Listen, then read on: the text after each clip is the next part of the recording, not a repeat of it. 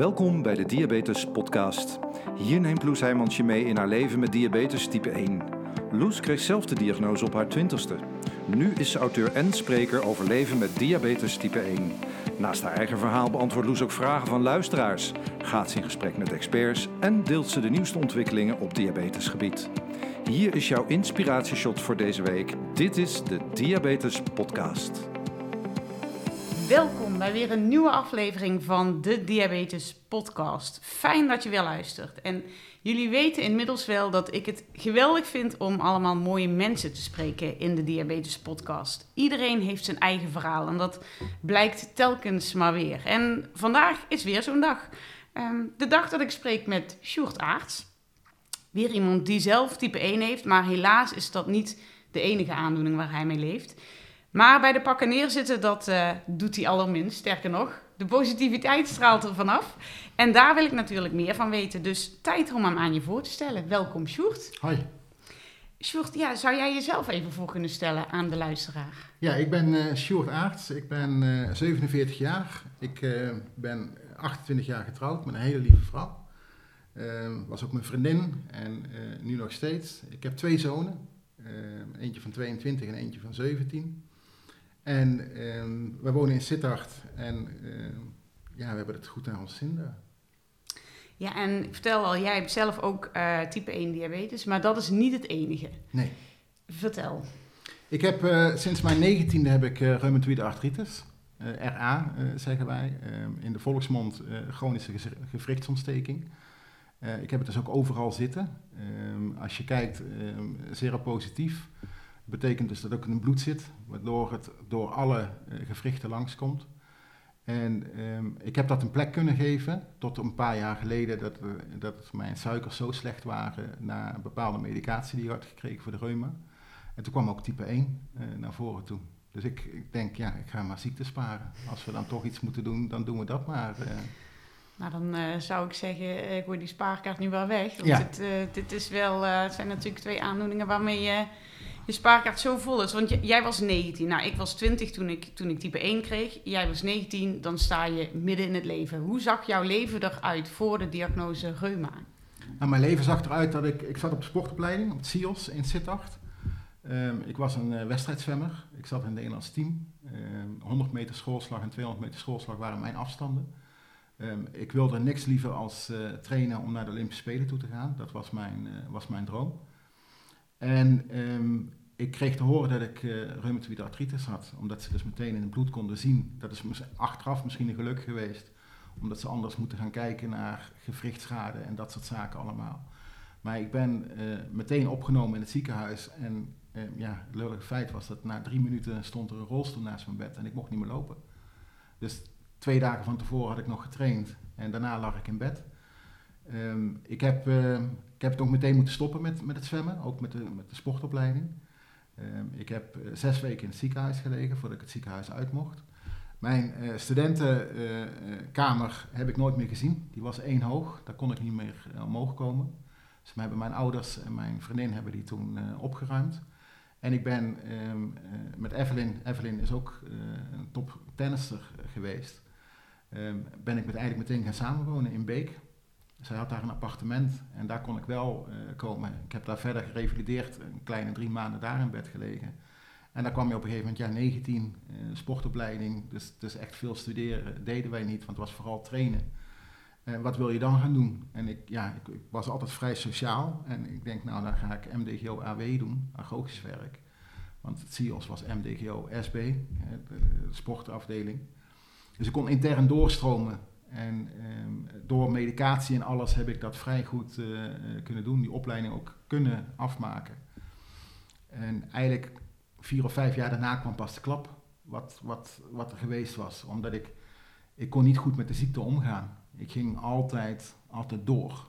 Ja, want even terug naar dat moment van diagnose. Reuma is niet iets wat je van de een op de andere dag krijgt. Nee.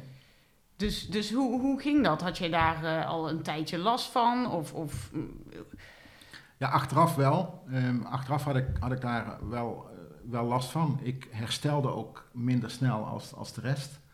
Ehm, eh, trainen is één, maar ook, ook goede wedstrijden zwemmen en daarna vrij snel herstellen om de, de week erop weer te moeten zwemmen. Eh, pieken door het jaar heen, want je had bepaalde toernooien en bepaalde wedstrijden waar je naartoe moest. Daar had ik heel veel moeite mee. Jacques Verhagen was mijn, mijn trainer. En ehm, ik had een apart schema als de rest op dat gebied. Ehm, hij vond mij eigenlijk lastig altijd, maar dat, dat, had daarmee te maken, denk ik. En uh, op mijn negentiende, ik, ik had een bijbaantje in het slachthuis in Geleen om, om schoon te spuiten. Dat verdiende lekker. Het was heel smerig. En ik heb daar een darminfectie opgelopen. Om, vanwege de bacteriën en vanwege het vies zijn. Maar heel mijn weerstand was weg. En toen is echt die ziekte echt naar buiten gekomen. En um, zo erg dat ik dus op een gegeven moment een soort Michelin-mannetje was. Want ik had alles, alles wat in mijn lichaam zat aan gewrichten, had ik ontstoken. Dus ik was ook wel heel blij toen ik het ziekenhuis inkwam en, en ze me een bepaalde medicatie gaven. Want uh, de roze olifanten vlogen boven mijn bed, maar ik had geen pijn meer. En um, dat, dat, was wel heel vreemd. Alleen, ja, het, het, was niet echt mijn lichaam. En dan, um, nou ja, dan ga je van topsport opeens naar nul. Van alles naar niks eigenlijk. In bed liggen en, en bijkomen en uh, met heel veel medicatie in je lijf. En je zegt dan, nou, ik pakte eigenlijk vrij snel daarna een andere studie op. En die vier, vijf jaar daarna ben ik gewoon maar misschien wel met oogkleppen op doorgegaan.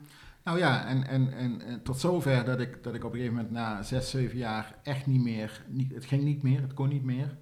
Um, lange afstanden kon ik ook niet meer lopen. Toen heeft mijn reumatoloog me weer opgenomen in het ziekenhuis. Dat kon toen ook nog. Uh, de reuma-afdeling had je dan ook nog gewoon hebben, hebben nu niet meer. Uh, als nu een reuma-patiënt opgenomen wordt, is zeer uitzonderlijk. En um, ik heb, ben toen zes weken opgenomen geweest in het ziekenhuis. Ik mocht het ziekenhuis niet uit voordat ik naar de Lucaskliniek ging in Hoensbroek. Dat was een revalidatiekliniek. En ik ben daar naartoe gebracht om, um, om te leren gaan met een lichaam wat ziek is. En ik ging niet om met een lichaam wat ziek was, want ik, ik ging om, ik sprak ook over reuma alsof jij het had in plaats van ik het had. Dus ik wist wel wat je moest doen. Maar zelf toepassen deed ik het niet. Um, ik vond het makkelijker in de derde persoon te spreken, omdat ik dan niet naar mezelf toe hoefde. Ik was natuurlijk ook jong.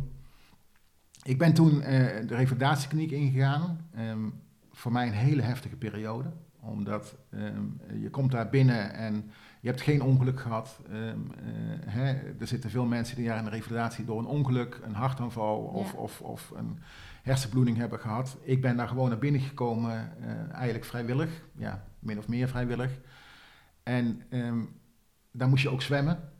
Nou, dan moest je uh, twee banen zwemmen. En als je twee banen gehaald had, moest je de volgende dag vier banen zwemmen. Nou, na tien minuten haalden ze mij uit het water. Omdat ze zoiets hadden van, ja, uh, wat jij aan het doen bent is niet normaal. Ik, ik, was gewoon baantjes aan het trekken. En toen hebben ze me eigenlijk, ja, even grof gezegd, eigenlijk um, eerst afgebouwd. Om eerst te leren uh, omgaan wat het is. Hè, dat je niet morgen ook nog moet leven en niet alleen vandaag. Daar moest ik heel erg aan wennen. En dat, heeft, dat is heel goed gelopen. Totdat ik op een gegeven moment uh, um, uh, mijn lieve vrouw een keer op een zondag uh, um, in de auto zei van waarom moet je altijd zo vroeg terugbrengen? Je hebt weekendverlof. En um, toen met het weekendverlof dat ze ook aangaf van je hebt, zij was gewoon aan het werken, ik was de hele week weg. En dan zondagavond, vrijdag kwam je dan thuis en dan zondagavond ging je terug naar binnen. Maar dat was mijn wereld daar. Dat was safe. Um, iedereen had daar iets, iedereen had een plusje achter zijn naam staan. Uh, daar konden we tenminste iets mee. Um, als je daar niet in de rolstoel zat, dan, dan uh, had je het moeilijk, want de pinautomaat was op, op uh, ooghoogte. alle barren waren, waren daarvoor gemaakt. Invalide toilet, die hoefde je niet te zoeken, want je normale toilet moest je meer zoeken. Dat is een revalidatiekniek. Maar het is niet de reële wereld. Mm -hmm. het, is, het is daarbinnen. Dus gehospitaliseerd was ik op dat moment heel erg. En um, daarna heb ik een heel goed gesprek gehad met mijn vrouw. Toen hebben we uh, samen mijn, met mijn ouders zijn we op vakantie geweest. Um, ergens naar Centerparks volgens mij was dat. En toen zijn we teruggekomen en toen heb ik gezegd van ik wil op dagbehandeling. Ik wil niet, uh, niet meer hier in het ziekenhuis. Want um, als ik daar, als ik gerevalideerd had, kwam ik boven en mijn natje mijn droogje stond klaar. Even grof gezegd. -hmm. En nu werd ik door een taxi naar huis toegebracht na de revalidatie. En Evelyn was werken, dus ik moest mijn natje en droogje moest ik zelf maken. Ook al had ik heel veel pijn of wat dan ook, moest toch eten. Want uh, pijn is, is een factor, als, ik, als je eet kun je de pijn ook beter hebben. Je hebt gewoon brandstof nodig. Mhm. En um, heb ik een half jaar gedaan. En na dat half jaar um, is, is het eigenlijk ook heel, heel goed gegaan, omdat je op, opnieuw hebt leren omgaan met je lichaam. En, en nu kan ik gevriesbeschermende maatregelen, zoals ze daar geleerd zijn, dus in een rolstoel gaan zitten als je verre afstanden moet gaan lopen, um, ja, die, die kan ik nu toepassen. En natuurlijk ga je nog wel een keer op je bek, maar uh, je, je, kunt dit toch beter uh, neerzetten. Um, ik denk een half jaar of een jaar nadat we uit het revalidatiekliniek zijn, hebben we standen gekregen, mijn oudste zoon. En ik moet zeggen, dat is het beste medicijn wat ik ooit gehad heb. Ja. Omdat je, um, je zorgt niet alleen maar voor jezelf. Uh, mijn vrouw uh, heeft een tennisschool, werkte veel. Ik uh, heb twee kinderen daarna gekregen. Bas kwam een paar jaar daarna. Ik heb altijd de kinderen verzorgd. En um, kinderen zijn goud eerlijk, want als kinderen kunnen kruipen, dan kunnen ze ook de, kram, de trap. Alleen, dat doe je niet, maar ik kon ze niet goed tillen. Dus zij deden gewoon, gingen gewoon de trap op. En ik liep erachter. Als er dan iets gebeurde, kon ik ze altijd pakken. Maar kinderen zijn zo ongelooflijk goud eerlijk. Ook als ik in de rolstoel zat, dan kwamen ze bij mij op schoot zitten, naar de Efteling toe. Um, we hadden eentje hadden we een kinderwagen, de andere niet. Die kwam lekker bij mij op schoot zitten. Ja, was gewoon goud. Als je daaraan denkt, aan die, aan die, aan die momenten. En ja, toen ik 19 was, kon ik daar niet aan denken. Nu nee. wel. Dus ik heb het nu een plek kunnen geven. Um, ze vragen me ook wel eens, dat is een veelgestelde vraag, van um, als het pilletje morgen kwam, zou je het dan, zou je het dan nemen? Zou je dan, uh, als je genezen bent? Ja, weet ik niet. Ik ben, ik ben ook geworden wie ik nu ben door, door, door mijn reuma. En misschien nu ook door type 1. Wauw, dat vind ik best wel, nou ja, een, een pittige uitspraak. Helemaal omdat je net, toen we nog even het voorgesprek hadden, ook tegen mij zegt van, we zitten hier nu, maar ik heb gewoon altijd pijn. En toch zeg je van, nou, als dat pilletje er zou zijn, dan weet ik niet of ik die pijn zou in willen ruilen tegenover wat, ik, wat het me allemaal heeft gebracht. Ja, ja nou, ik denk, ik denk de pijn misschien wel. Als ik dan, als ik aan één dingetje weg mag halen, zou ja. het dat zijn. Alleen, um, ja, ik vind pijn ook een vaag begrip. Um, uh, um, ik, kan, ik kan met pijnen hier zitten die goed te houden zijn. Ik kan er ook mee rijden. Maar soms kan ik de pijn niet, niet houden. Ik heb gelukkig één heel goed medicijn. Ik kan altijd slapen als ik stress heb of wat dan ook. Als we, toen wij de woning gingen kopen, uh, mijn vrouw heeft de handtekening gezet, ik ook. En we komen terug en zij zit uh, een beetje zenuwachtig en ik, ik lig op de bank en ik val in slaap. Omdat ik, dat kan ik heel goed gelukkig. Als kind zijn, dan kon ik dat al. Alleen, um, ja, wat ik zei, pijn is een vaag begrip. Als jij met migraine ergens zit, die personen kunnen met moord en brand gillen. En, en um, die kunnen toch functioneren. En, en uh, ik zie dat nu ook. Uh, ik kom in een nieuwe wereld van, van type 1 mensen. Als ik soms zie hoe die met bepaalde waarden en, en, en uh, hoe zij door het leven gaan. Ja, alleen maar het petje af. Dat is echt, dat is ongelooflijk knap hoe ze dat, hoe ze dat doen. En dat heb, heb ik met de reuma-wereld ook. Want ja, pijn hoort erbij. En ongemakken horen er ook bij dat, dat is er. Alleen ik denk wel, um, ja, dat ik wel de persoon ben geworden wie ik nu ben. En ook ons gezin, hoe dat geweest is. Want ja, ja ik heb wel mijn zonen kunnen op, uh, op, op zien groeien. Elke blauwe plek heb ik eigenlijk geweten waar die vandaan kwam. Ja, ja mooi dat je er op die manier uh, naar kunt kijken. Maar goed, toen, nou ja, die, die reuma had een plek uh, in je leven. En, en jullie als gezin gingen daar op een bepaalde manier mee om. en dan zoveel jaren later komt daar dus nog een diagnose bij. Ja. Hoe ging dat?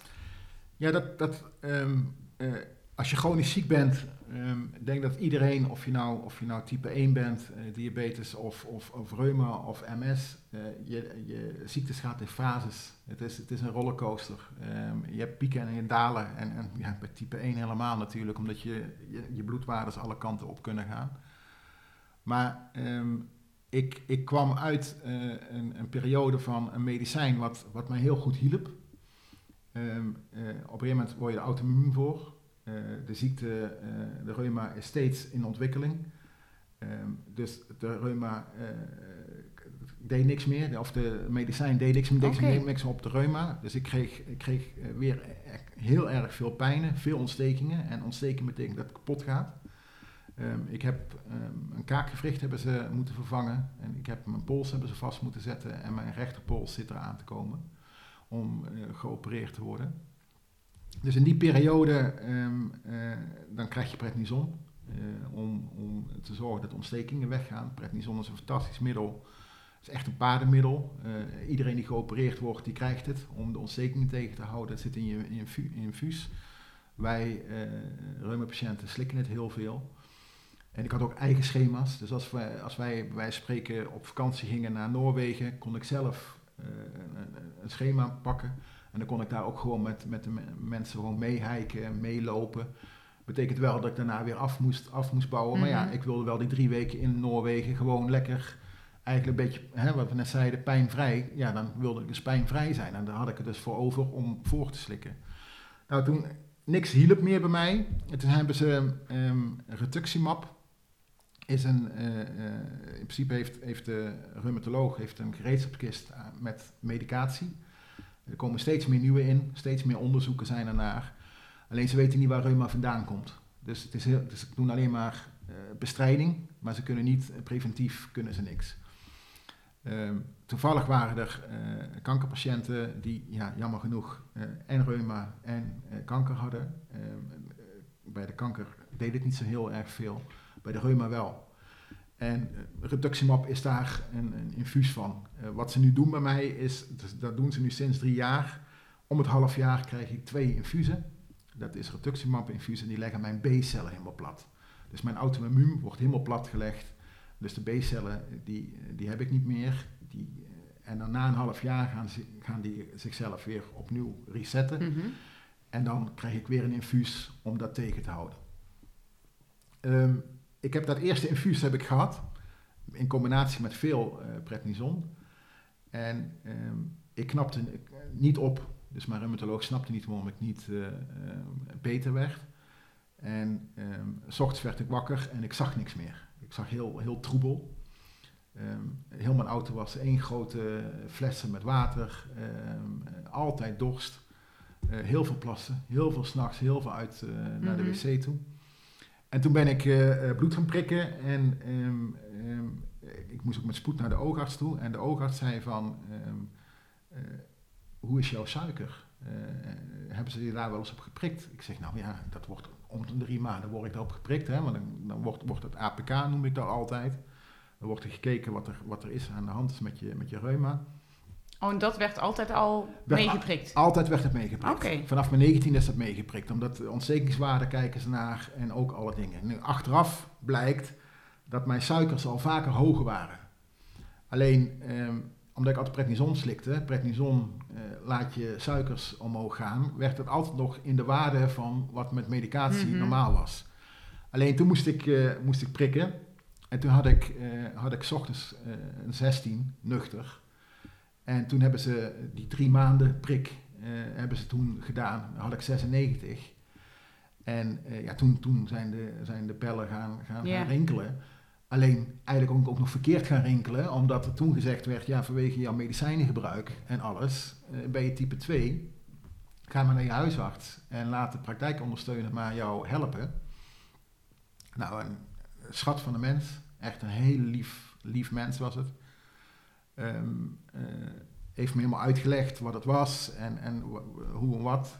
Um, nou, ik meteen ook internet googelen en doen, Ja. uh, eetgewoontes. Uh, ik, ik ben Burgondier, ik vind, vind het lekker om goed te eten, een goed glas wijn en alles. En ik zie in één keer, oh, type 2 kun je, kun je voorkomen, kun je uh, ook van, van genezen. Niet iedereen, maar als je leefstijl aanpast, kun je betere dingen hebben. Nou, hè, strevertje dat ik ben met mijn, met mijn wedstrijd zwemmen en alles. En denk, dat ga ik doen. Ik ga dat overwinnen. Um, medicatie deed niks. Ik bleef maar slecht. Um, ik weet dat ik naar Oostenrijk ging naar de tweede chemo. Want de chemo daarna kwam nog een keer. Na de tweede chemo uh, ging ik naar Oostenrijk toe uh, met mijn gezin. Ik bleef ziek. Um, had een longontsteking opgelopen. Dus ik moest daar ook lokaal naar, naar het ziekenhuis toe. En die prikte mijn bloed. En ehm, toen spoot ik trouwens al uh, langwerkende insuline in combinatie met de medicatie. En dat was, het was middags om twee uur en ik had gewoon een 22. Hmm. En uh, ik voelde me daar prima bij. Uh, Want jij was blijkbaar al een hele tijd niet anders gewend. Ja, ik was dan blijkbaar heel lang heel erg hoog. En, en ehm, als je nou de auto kijkt, ik heb nog één à twee flesjes water erin, maar niet meer 28 die ik voorheen had, omdat ik veel op de weg zat. En um, dus achteraf is het inderdaad veel geweest, maar um, die, die lantes die ik moest spuiten, daar kreeg ik hele rode plekken van op de, op de prikplekken. En ik deed zoveel mogelijk afwisselen, dus ik begon al in de armen te spuiten, in de benen te spuiten, maar ik bleef van die plekken krijgen. Uh, naaldje 4 mm, naaldje 10 mm, maar die 10 mm kwam het veel later en veel groter terug. Mm. Uh, hoe dieper je spoot, hoe groter het naar buiten kwam als een soort kegel. En toen ben ik naar het academisch ziekenhuis in, uh, in Amsterdam gegaan, want daar hebben ze één keer in de maand hebben ze daar, als je allergisch bent voor insuline, dan gaan ze kijken. Ook met pompen, er waren heel veel mensen met pompen die daar waren, die allemaal rood onder hun huid hadden. En die zei op een gegeven moment van het beeld klopt niet. Hij zegt, ik wil, ik, wil, um, ik wil meer informatie hebben, er moet meer getest worden. Want als, als u een type 2 bent, dan, dan halen we de insuline helemaal weg, want u kunt er niet tegen.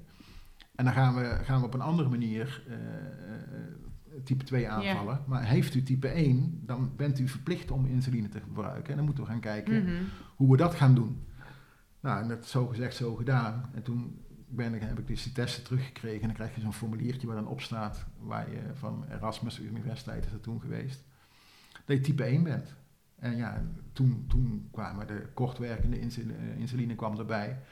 En hebben net zo lang gezocht tot ik, want ik ben niet allergisch voor de insuline, ik ben allergisch voor de uh, stoffen die erbij zitten. Ja. Om het, om het uh, zijn ze gaan kijken. Nou, en ik heb nu gelukkig twee kortwerkende insuline en één langwerkende waar ik, waar ik tegen kan. Ik moet af en toe wel van die anti-allergische pilletjes pakken, want soms komen de reacties toch okay. omhoog. En um, uh, nu is dat, de langwerkende heb ik helemaal niet meer, want die was een grote hoeveelheid natuurlijk, hè, voordat je ging slapen. En ik heb nu dus een pomp waardoor ik kortwerkende en ik kan gelukkig de drie dagen um, zonder afkloppen, zonder uh, problemen kan ik dat nu op dit moment uh, gebruiken. Want uh, um, over welke periode hebben we het nu dat jij de diagnose type 1 echt kreeg? Tweeënhalf jaar terug. Tweeënhalf jaar terug. Ja. En, ja, en, en de, de diagnose echt een jaar. Dat, dat ik type je... 1 ben, is echt een jaar. Dat ik, dat ik diabetes heb, is dus na, na de eerste uh, chemo geweest. Ja. Dat is drie jaar terug. En dan 2,5 jaar uh, wist, zijn ze ook bezig met om diabetes uh, bij mij te, te voorkomen. Zoekende geweest Zoekende eigenlijk. geweest. En, en toevallig van de week kwam ik het formuliertje tegen. Ik ben 7 januari was mijn, was mijn jaar. Ja. Dat ik type 1 ben, ja. En ja, even terugdenken aan het begin van het gesprek, waarin je vertelt van nou, het heeft echt wel jaren geduurd voordat ik die reuma uh, een plek uh, kon geven. Uh, je bent nu heel actief ook al in de, in de diabetes community, volgens mij beheerder van, van een Facebookgroep van de 87. Hè. heb je dat vanaf het begin meteen anders aangepakt? Of hoe, hoe is dat zo gekomen dat je dat meteen ja, mag ik zeggen, omarmd heb? Nou, ik, ik, ik, ben, um, ik ben een type, ik zit de hele dag op, op het internet uh, vanwege beroepsmatig. En um, uh, informatie bij Reuma is het allerbelangrijkste. Um, uh, ik weet dat, ik, dat, dat, ze mij de rolstoel aanmeten en dat ging helemaal fout. En een vriend van mij heeft een dwarslezing en die zei van Sjoerd, je moet daarop letten en daarop letten. Dus, dus informatie is heel belangrijk. Mm -hmm. Um, ik, ik ben ook, uh, mijn vrouw zou heel graag met een camper uh, rondreizen en ik zou dat helemaal fantastisch vinden. Maar ik denk dat ik wel stiekem s'avonds de, de route ga uitstippelen. Want ik ben, ik ben heel avontuurlijk aangelegd eh, tussen bepaalde banen. Tot op zekere hoogte. Tot op een zekere hoogte. En, en um, dat heb ik altijd gehad. Um, nu ook als je kijkt in mijn auto, ik heb ook spulletjes bij om een nacht ergens te blijven. Omdat, omdat ik overal rij en doe. En, en dat heb ik gewoon standaard bij me. Dus, dus ook nu met, met al de spulletjes die wij mee moeten nemen. Ja, is belachelijk wat ik meeneem. Maar dat geeft mij rust. Mm-hmm. Dus ik ging heel erg zoeken. En ik was heel erg verbaasd dat uh, de reumawereld is ongelooflijk georganiseerd. Ehm, je hebt plaatselijk reuma-patiëntenverenigingen. Gewoon plaatselijk. Dus als je kijkt in, in, in, in Limburg, heb je, ehm, waar, ik, waar ik dan woon, heb je 15 reuma-patiëntenverenigingen. Die zijn weer, eh, met z'n 15 zijn ze in de regioraad, zijn ze, zijn ze ehm, bij elkaar zitten ze. Hebben ze allemaal twee mensen in zitten. Die regioraad, die zit dan weer landelijk. En die doet, eh, dat is de Bond Adviesraad, die doet dus de, de Reuma-fonds. Vroeger had je de Reuma-bond, maar nu is het alleen de Reuma-fonds. Wat er speelt in de, in de dingen. Dus als er een medicijn uitvalt of, of een behandeling wordt niet vergoed of wat dan ook. Ja, daar springen zoveel mensen op. Ja. Reuma is ook de grootste eh, ziektegroep, hè, de grootste patiëntenorganisatie die we hebben in Nederland. Dus, dus het wordt sowieso geregeld. Ik moet daar wel bij zeggen dat de Reuma-patiëntenvereniging tegenwoordig ook kine is en, en borduren en, en, en uh, boelen of wat dan ook. Ja. Dat was niet de reden waarom ik ehm, eh, dat heel erg ging opzoeken toen ik zo jong was. Want op een gegeven moment hebben wij ehm, eh, ook een blad uitgebracht, ehm, kinderen opvoeden met reuma Omdat dat niet, dat niet was. Ja. Ik, weet, ik weet op een gegeven moment, eh, ik kreeg een boekje, toen, toen mijn reumatoloog hoorde dat wij graag kinderen wilden, kreeg ik een boekje wat eh reuma, seksualiteit, reuma en kinderen krijgen. En, en ik weet nog heel goed, er zaten eh, vier of vijf plaatjes en mijn vrouw en ik kijken. Nou, als je zo ver gehandicapt bent, dan, dan, dan kan dat ook niet meer. Hè? Dus echt voorbeelden op dat gebied, dat we echt dachten, ja jongens, en op een gegeven moment zijn wij ehm, eh, via de Reumabond en via de vakanties op Groot Stokwort, eh, waar je gewoon lotgenoten tegenkwam. En want ik, bij een lotgenoot hoef ik nooit A, B en C uit te Ja. leggen. Ja. En bij mijn moeder en bij mijn vader en bij mijn, bij mijn vrouw moet ik A, B en C uitleggen. En, en ehm, dat is helemaal niet erg, alleen het is zo lekker om bij iemand te zijn die het gewoon weet. Soms wel fijn, en, en ik merk dat nu ook bij, bij de type 1 mensen, als je gewoon hoort, oh ik heb een, een, een 3,2, oeh. Iedereen weet wat er aan de hand is. En als ik tegen de kassajuffrouw zeg dat ik een 3,2 heb en dat ik even mijn pincode niet weet, die snapt dat niet, weet Ja. je? En, en ehm, dus daar zijn we heel erg naar gaan zoeken.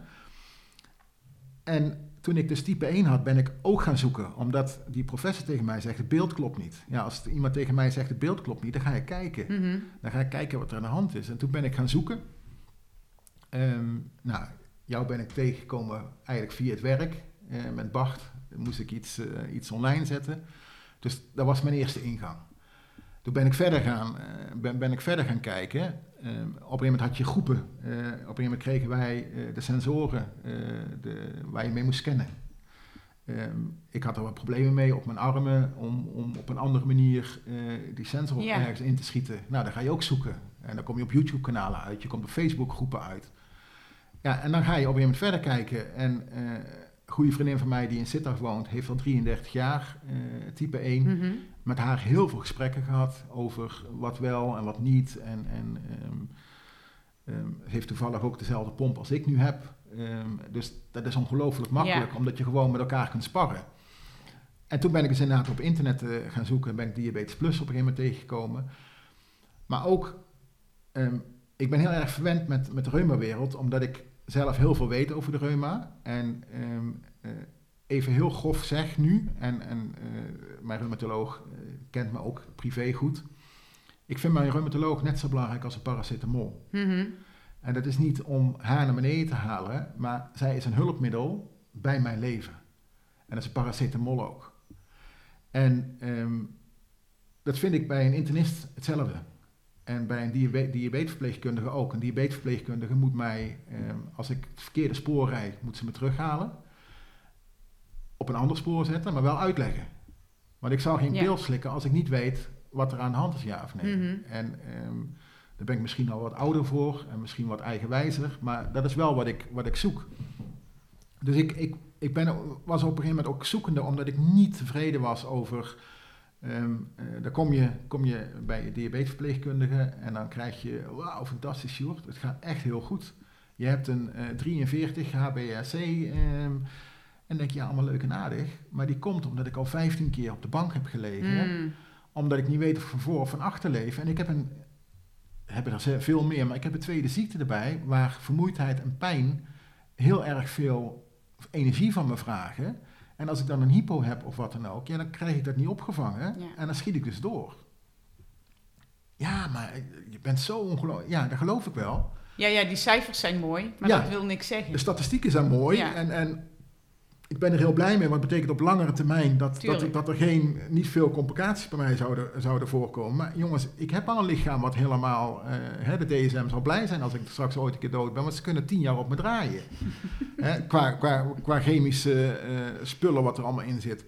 Maar daar was ik heel erg zoek- zoekende voor. Dus ik, op een gegeven moment, ik voel die, ik voel die hypo's niet. Nee. Dus ik, ik, ben, ik ben twee keer eh, thuis ehm, onderuit gegaan. En de laatste keer is, is 16 februari geweest. En toen heeft mijn zoon ehm, voor de eerste keer die spray in mijn neus moeten spuiten. Met glucagon. Met glucagon, eh, om, om bij te komen. Zo. Mijn vrouw was er niet. En dat heeft wel een impact gemaakt op, eh, op die, op die 22-jarige. En op mij trouwens ook, want je hoort het aan mijn stem. En eh, die andere heb ik niet bewust meegemaakt, maar had- je hebt daar een hele mooie blauwe plek op je been. Hè, want dan krijg je zo van die ambulancebroeder, die spuiten dat vol in je been en dan word je meegenomen. Nu vanwege coronatijd is die 16 februari dat niet gebeurd. Terwijl die glucagon in de neus een stuk fijner is als, eh, als, als de spuit. Daarbij gezegd. ehm, dus ik, ik ben toen heel erg gaan zoeken. En op een gegeven moment kwam ik, kwam ik Wietske tegen van Diabeter eh, op een video. Eh, er was een, was een jongen die kwam haar interviewen.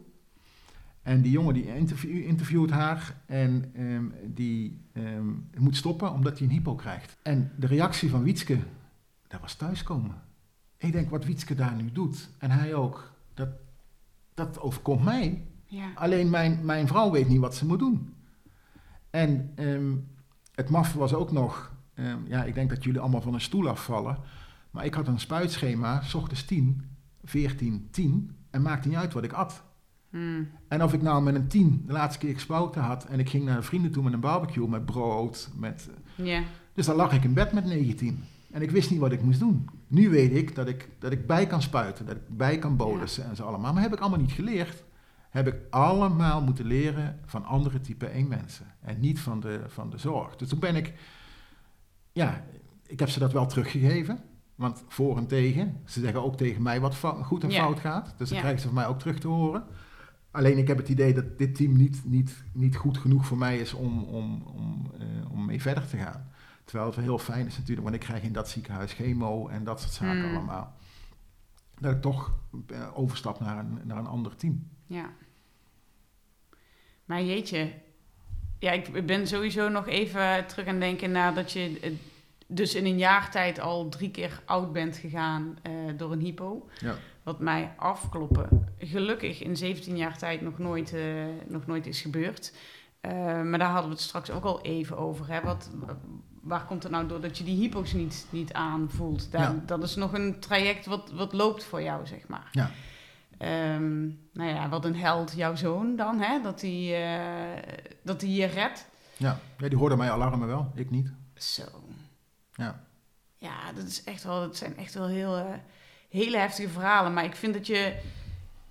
Ja, ik vind het zo bewonderenswaardig om te horen wat je in dat jaar, zeg maar, dan allemaal voor stappen zet. Om inderdaad, hè, je gaat zelf op zoek naar, naar die informatie.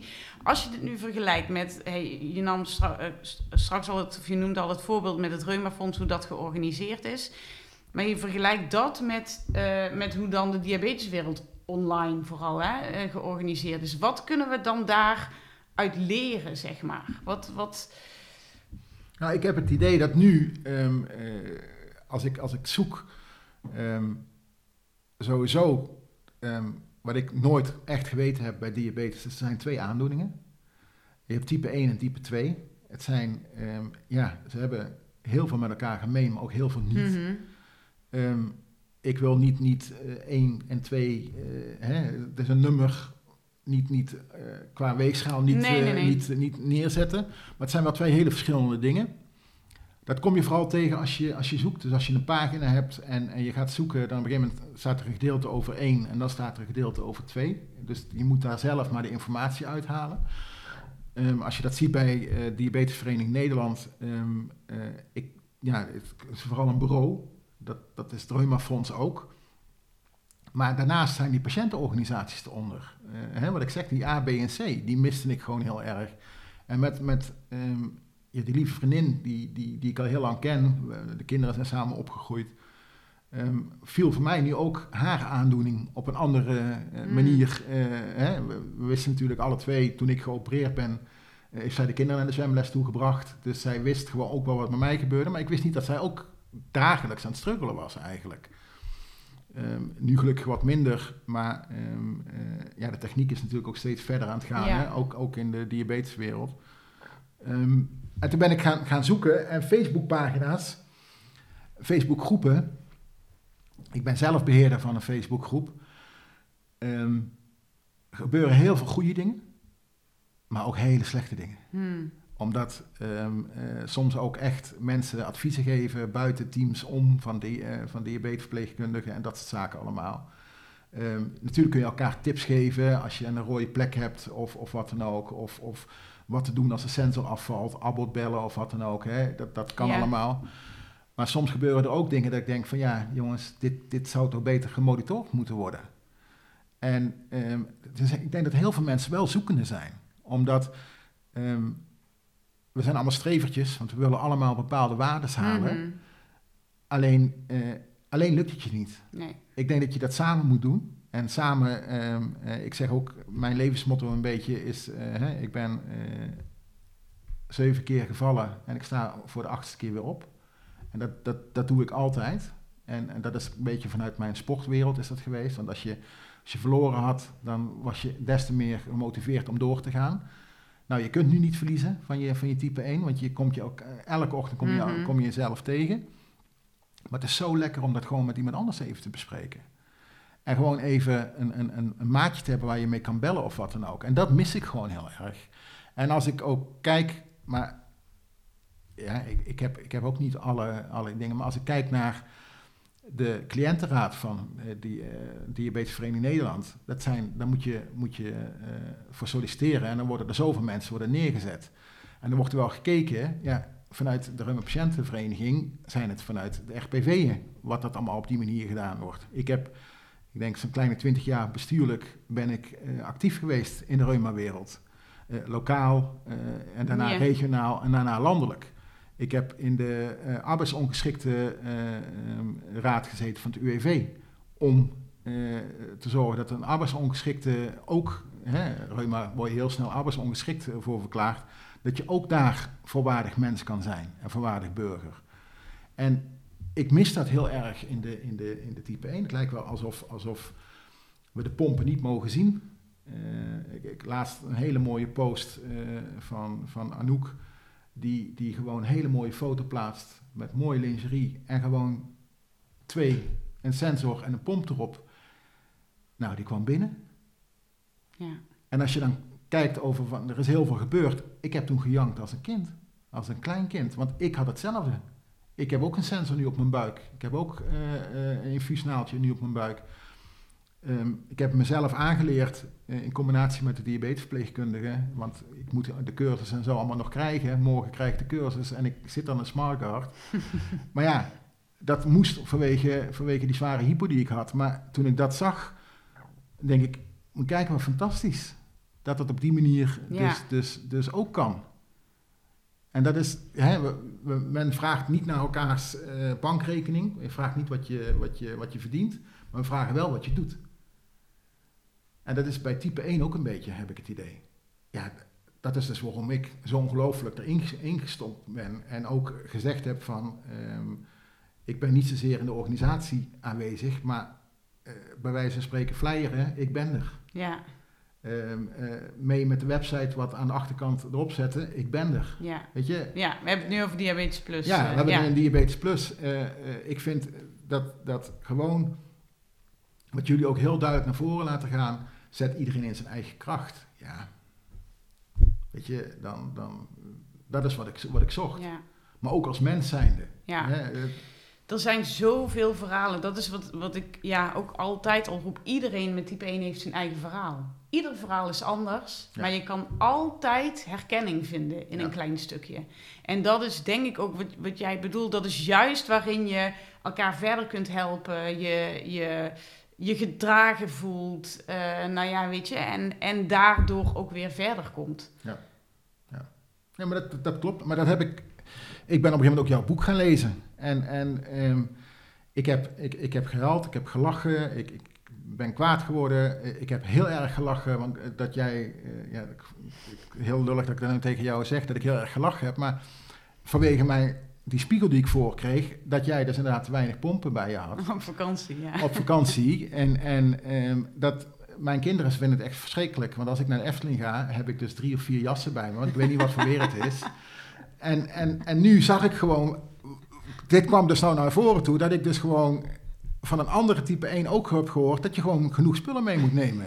Dus ik hield het bij mijn gezin voor. Die lagen allemaal in de scheur. Dus als, als we nu gaan... Die dan- zeiden, pap, dit overkomt jou nooit. Nee, nee. de- die, twee, oude- die twee jongens van mij, nu staan met een big shopper, staan ze bij de deur voordat we gaan, omdat dat alle spullen mee moeten. Maar dat, over, dat zal mij dus nooit overkomen. nee. Nee. Mij ook niet meer, hoor. Nee, dat geloof ik. Dat geloof ik inderdaad. Eh, nou, daarom die, die 12 mm naaltjes, dat heeft je wel geleerd, denk ik. Eh, Ja, oh man, wat een stress. ja. Ja, mooi. Nou ja, goed. Dit is inderdaad wat je omschrijft wel wat we met Diabetes Plus natuurlijk eh, teweeg willen brengen. eh, voor, door en over patiënten. En ik denk, ehm, en, en Cas en Bietske spreken elk- eh, en ik spreken elkaar natuurlijk dagelijks. En het komt ook telkens weer terug. Er is niemand die je beter begrijpt dan iemand anders met type 1. Ja. Er is niemand die dat verhaal beter kan vertellen. En, en, maar dat moet eh, hè, bij mensen die de diagnose krijgen, moet dat vanaf het begin eh, duidelijk zijn dat dat er is. En dat je daar dus terecht kunt. En dat je met welke vraag eh, je ook hebt, ehm, ja, dat daar hulp is. En, en het is ook waar wat je zegt. Ik heb, ik heb ook een schat van een diabetes verpleegkundige.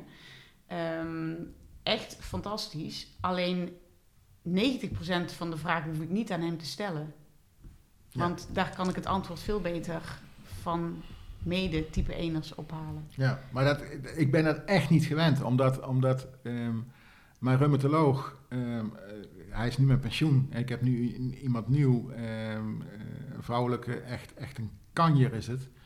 Maar we hebben gewoon eh, twee of drie reumaconsulenten eronder zitten. En alles wat maatschappelijk aangaat, dat, dat is hun rol.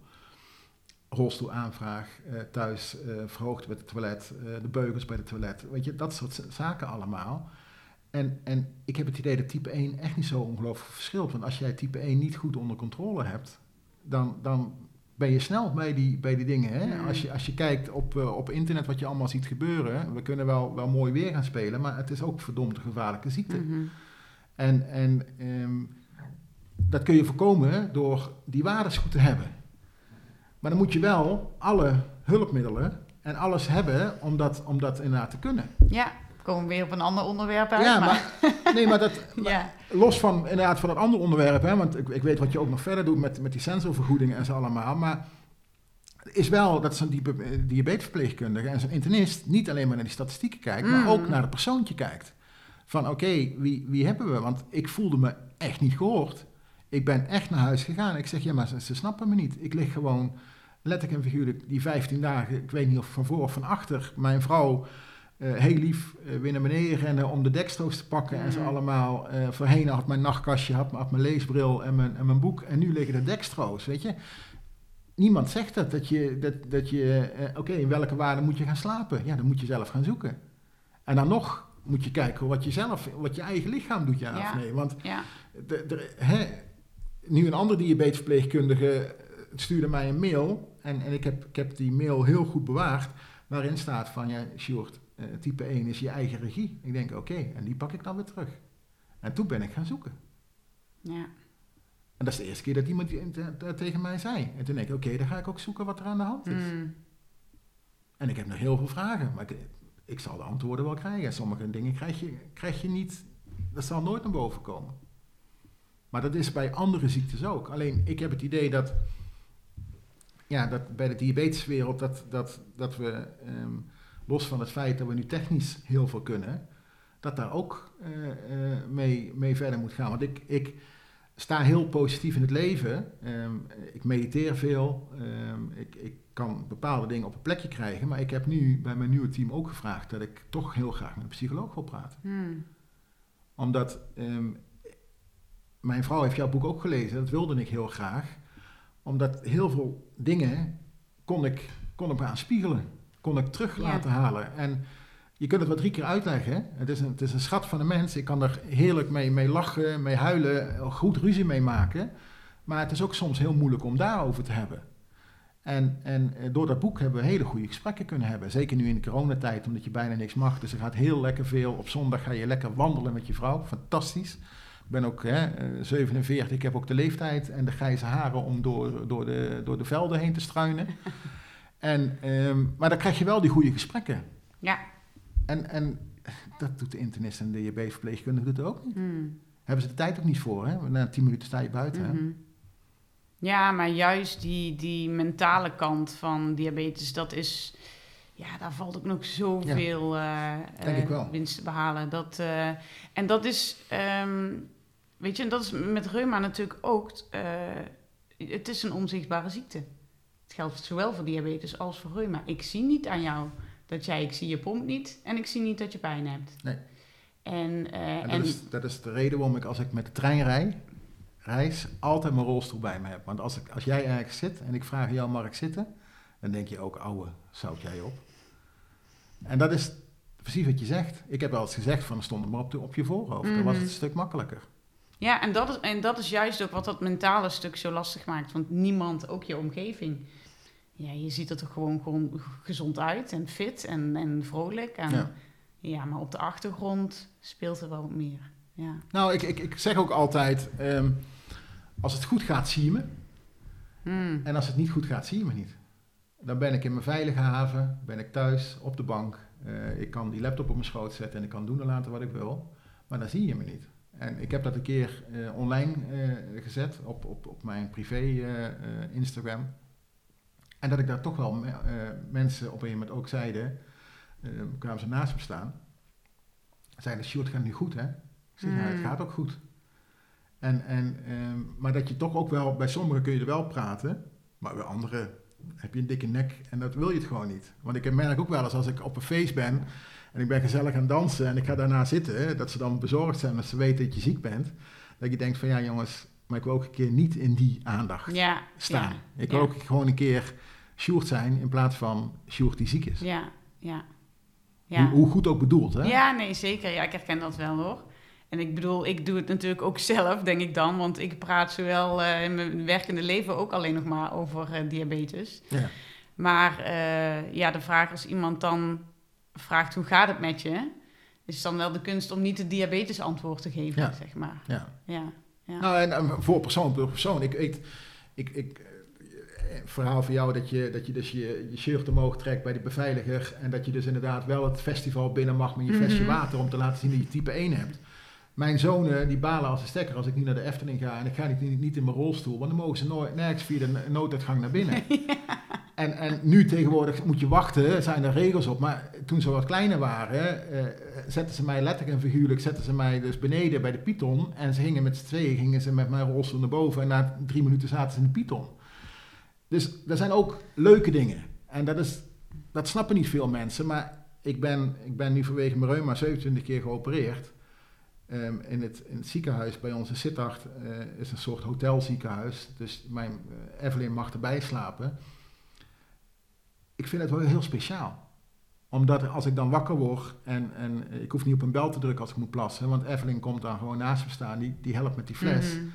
En, en het is mijn maatje, het is mijn vrouw. Maar dan op dat moment is het ook degene die mij, die mij Mm. verzorgt en mij helpt. En ik heb dat ook ervaren als hele mooie, mooie momenten om dat op die manier te doen. Ik weet dat Evelyn in maart heel erg ziek geweest is vanwege corona. Ik vond dat heel moeilijk. Ik, ik verzorgde wel, maar om dan...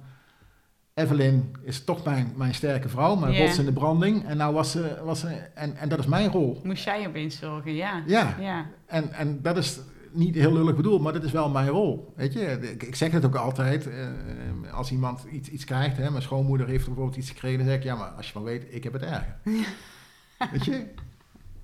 baas boven baas. Ja, dat wedstrijdelement zal er Ja. altijd in blijven. Nou, dat vind ik wel een mooie om, eh, om mee af te sluiten. Nou, één laatste vraag dan nog. Hebt, jij hebt, ehm, nou eigenlijk denk ik wel je zwemdroom. Hè? Olympisch eh, Spelen was jouw droom. Heb jij in duigen zien vallen?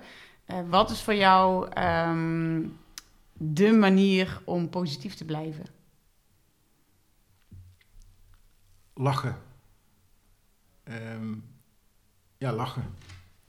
Ik blijf, ik blijf altijd ehm, positief en altijd, eh, ook al is het klap nog zo hard, de volgende dag moet je lachen. Je moet, je moet, je moet door. Niemand heeft er iets aan als ik in een hoekje ga zitten en ik ben zielig. Ik vind juist de kracht om, om naar buiten te komen en er, iets van te maken, vind ik, vind ik ja, iets heel moois. En dat, dat probeer ik uit te dragen. Mooi. Dankjewel, Sjoerd, voor je mooie en sterke verhaal. Graag gedaan. En we sluiten nog even af met een gedicht van Bitterzoetje, die, ehm, nou ja, ook in dit geval weer uh, rake woorden op papier wist te zetten. En als toetje een gedicht van Bitterzoetje. Alsof het nog niet genoeg was. Dat is toch echt gemeen? Een extra diagnose naast die van diabetes type 1. Het maakt alles extra lastig, dat wist je echt meteen. Maar het is zoals ze zeggen: een ongeluk komt nooit alleen. Ja, klopt. Heel mooi. Dankjewel Steffi voor het gedicht en dankjewel Sjoerd voor je verhaal. Graag gedaan. Nou, ik ben nog even stil van het gesprek met Sjoerd. Wat een kracht en positiviteit. Echt, ik voel me zo bevoorrecht dat ik dit soort gesprekken mag hebben voor de podcast. Ja, dat is echt uh, een cadeautje telkens weer. En ik hoop dat jij het ook zo ervaren hebt toen je aan het luisteren was. En um, nou ja, mocht je dat gedaan hebben en mocht je anderen op de podcast willen attenderen, doe dat dan vooral. Laat een like of een review achter in de podcast-app waar jij luistert, zodat andere mensen ook weer sneller de Diabetes Podcast vinden. En mocht je nou meer willen horen, ga dan gewoon even naar petje.af slash de Diabetes Podcast. De plek waar ik nog meer blogs uh, deel, nog meer podcasts laat horen, uh, waarin je uh, ja, in mijn beste vrienden stories op Instagram Instagram kunt komen en nog veel meer. Leuk om te weten dat uh, Sjoerd bijvoorbeeld ook een van de eerste petje-affers van het, uh, van het eerste uur is. Dus uh, nou ja, wees als Sjoerd en, en sluit je aan. Dankjewel voor het luisteren en heel graag tot de volgende keer. Dag!